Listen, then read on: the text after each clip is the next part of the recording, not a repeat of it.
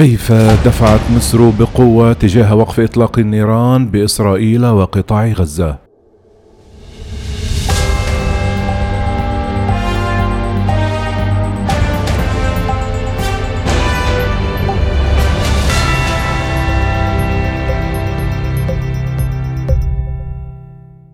لعبت الوساطة المصرية دورا محوريا في نجاح التوصل لوقف إطلاق النيران في إسرائيل وغزة حيث دفعت مصر بكل قوة بثقلها السياسي من أجل إنجاح وساطتها بين إسرائيل والفلسطينيين.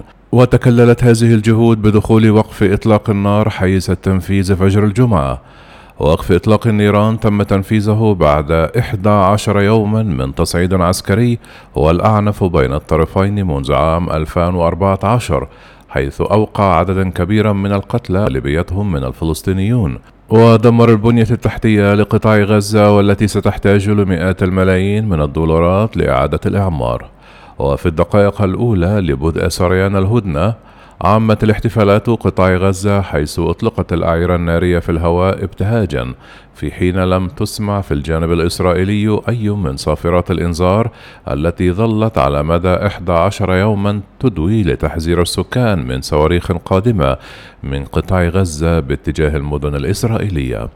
هذا الاتفاق الذي سارع إلى الترحيب به الرئيس الأمريكي جو بايدن أتى ثمرة جهود دبلوماسية حثيثة قامت بها مصر على وجه الخصوص وأمر الرئيس المصري عبد الفتاح السيسي مساء الخميس بإرسال وفدين أمنيين إلى إسرائيل والأراضي الفلسطينية للعمل من أجل دعم وقف إطلاق النيران. وأفادت وسائل إعلام مصرية بأن الوفدين سيتابعان إجراءات تنفيذ الهدنة والاتفاق على الإجراءات اللاحقة التي من شأنها الحفاظ على استقرار الأوضاع بصورة دائمة وكان الرئيس المصري السيسي قد أكد ثبات الموقف المصري إزاء ضرورة إيجاد حل عادل للقضية الفلسطينية يفضي إلى إقامة دولة فلسطينية وفق قرارات الشرعية الدولية الصادرة بذات الشأن. من جهته أشاد الرئيس الأمريكي جو بايدن بالدور الذي أدته القاهرة للتوصل إلى اتفاق وقف إطلاق النار بين إسرائيل والفصائل الفلسطينية في القطاع المحاصر. كما أشاد بوقف إطلاق النيران الذي تم التوصل إليه بين إسرائيل والفصائل الفلسطينية يوم الخميس برعاية القاهرة معتبرا أنه يمثل فرصة حقيقية لإحراز تقدم بعد 11 يوما من القصف المتبادل بين الجانبين. وقال إن الولايات المتحدة ستقدم معونة إنسانية لقطاع غزة. وفي المقابل عبر الرئيس المصري في تغريدة على تويتر في ساعة مبكرة من يوم الجمعة عن تقديره للرئيس الأمريكي جو بايدن لدوره في إنجاح المبادرة المصرية لوقف إطلاق النيران وتحقيق الهدنة في قطاع غزة.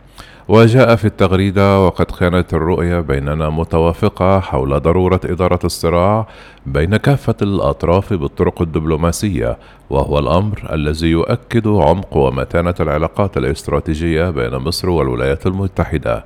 وبعد 11 يوما من التصعيد الدامي صادقت الحكومة الإسرائيلية المصغرة على وقف إطلاق النار بقطاع غزة وذلك بعد تصويت المجلس الوزاري بالإجماع على مقترح وقف إطلاق النار. وأوضحت الحكومة الإسرائيلية أن وقف إطلاق النار الذي اقترحته مصر سيكون متبادلا وغير مشروط. كما أوضحت أن الهدنة ستدخل حيز التنفيذ عند الثانية فجر الجمعة. والاثنين الماضي أعلن الرئيس المصري تقديم مبلغ 500 مليون دولار كمبادرة تخصص لصالح عملية إعادة الإعمار في قطاع غزة نتيجة الأحداث الأخيرة.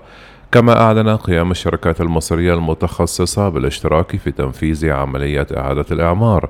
وفي هذا الشأن كان اللواء الدكتور هشام الحلبي المستشار بأكاديمية ناصر العسكرية في مصر قال في حوار سابق أن القرارات المصرية بخصوص غزة لها شقان أولهما إنساني وثانيهما استراتيجي مرتبط بالأمن القومي.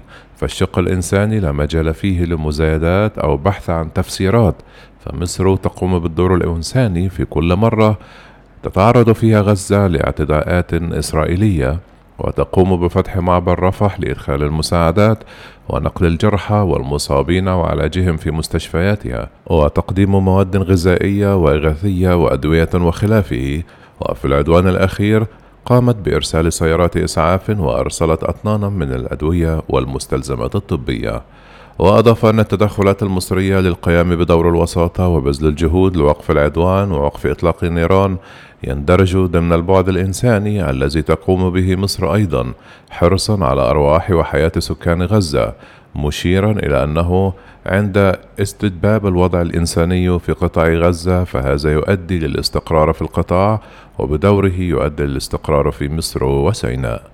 وقال إن بعض الدول تستغل الظروف في غزة وتتدخل تحت غطاء العمل الإنساني لكي تدفع بأموال وأسلحة وذخيرة وإنشاء أنفاق من أجل إحداث توتر واضطرابات في قطاع غزة وتشويه للقضية الفلسطينية وزجها في صراعات مؤكدا أن التدخل المصري لإرساء العمل الإنساني ضروري لمنع تدخل دول أخرى تهدف لتحقيق مآرب سياسية وهز استقرار غزة ومن ثم مصر والمنطقة وهو ما كان يجري منذ سنوات وما زالت المنطقة تعاني من تداعياته. وكشف الحلبي أن الشق الاستراتيجي يتطلب ترسيخ الاستقرار في قطاع غزة ومنع اللجوء للأنفاق لتهريب الأسلحة والذخائر والمتفجرات التي تهدد الأمن المصري والعربي وتوفير فرص عمل لأبناء القطاع وتوفير حياة كريمة لهم ومنع استغلالهم من جانب بعض الدول واستخدامهم وتجنيدهم في تنظيمات إرهابية واستخدام القضية الفلسطينية كأوراق ضغط لتحقيق مصالح هذه الدول بعيدا عن مصالح الفلسطينيين أنفسهم موضحا أن قوى إقليمية تستغل القضية الفلسطينية لتحقيق مطامعها السياسية وخلق مناطق تواجد ونفوذ لها في المنطقة. وأضاف أن تدخل مصر إنسانيا في قطاع غزة وتوفير احتياجات القطاع وإعادة إعماره سيقلل من إنشاء أنفاق قد تستخدم في المس بأمن مصر وقد تستخدم في تسلل الإرهابيين وتهريب كل ما هو غير مشروع. ويمكن أن يهدد الأمن القومي موضحا أن مصر عانت كثيرا من الأنفاق وأقامت شريطا حدوديا عازلا لمواجهتها ومواجهة التهريب.